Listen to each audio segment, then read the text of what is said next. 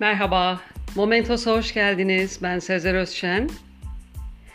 Bugün Türk sinemasından birçok filmde oynamış bir karakter, gerçekten karakterli bir insanın tanıtmak için yayın yapacağım.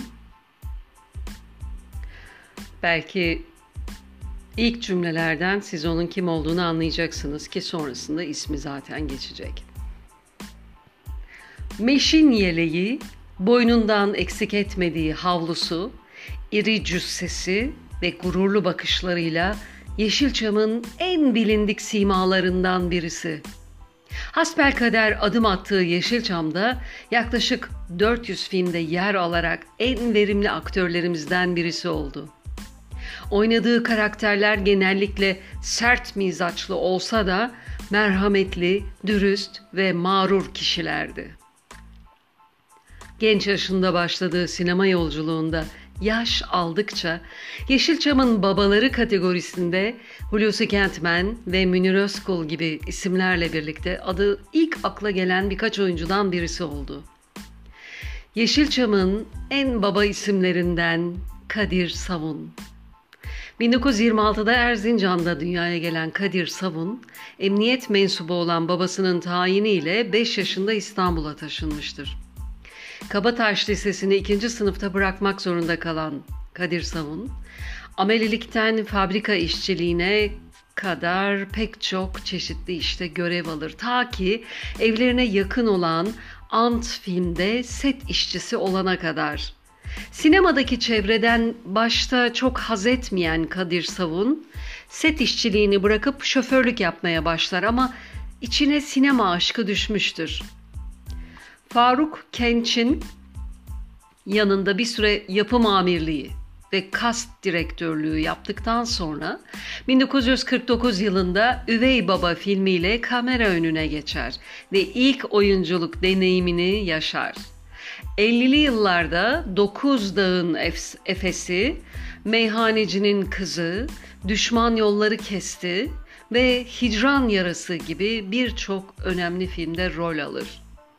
1960'larda ise Suphi Kaner ile birlikte Azim filmi kura, kurdular. Kısa bir süre yapımcılık yaptı ama yapımcılığa çok ısındığı söylenemez.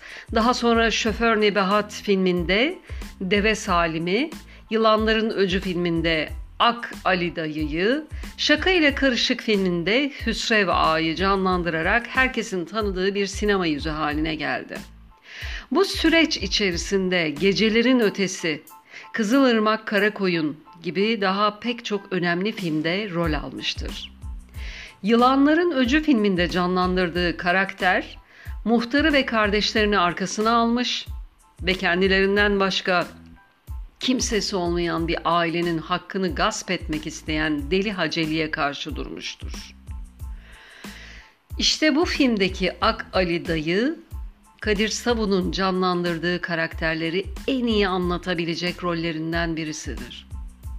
Haceli'nin kardeşleri ağabeylerine istersen emret şimdi gidip evlerini ateşe verelim dediklerinde karşılarında Ak Ali dayıyı bulurlar.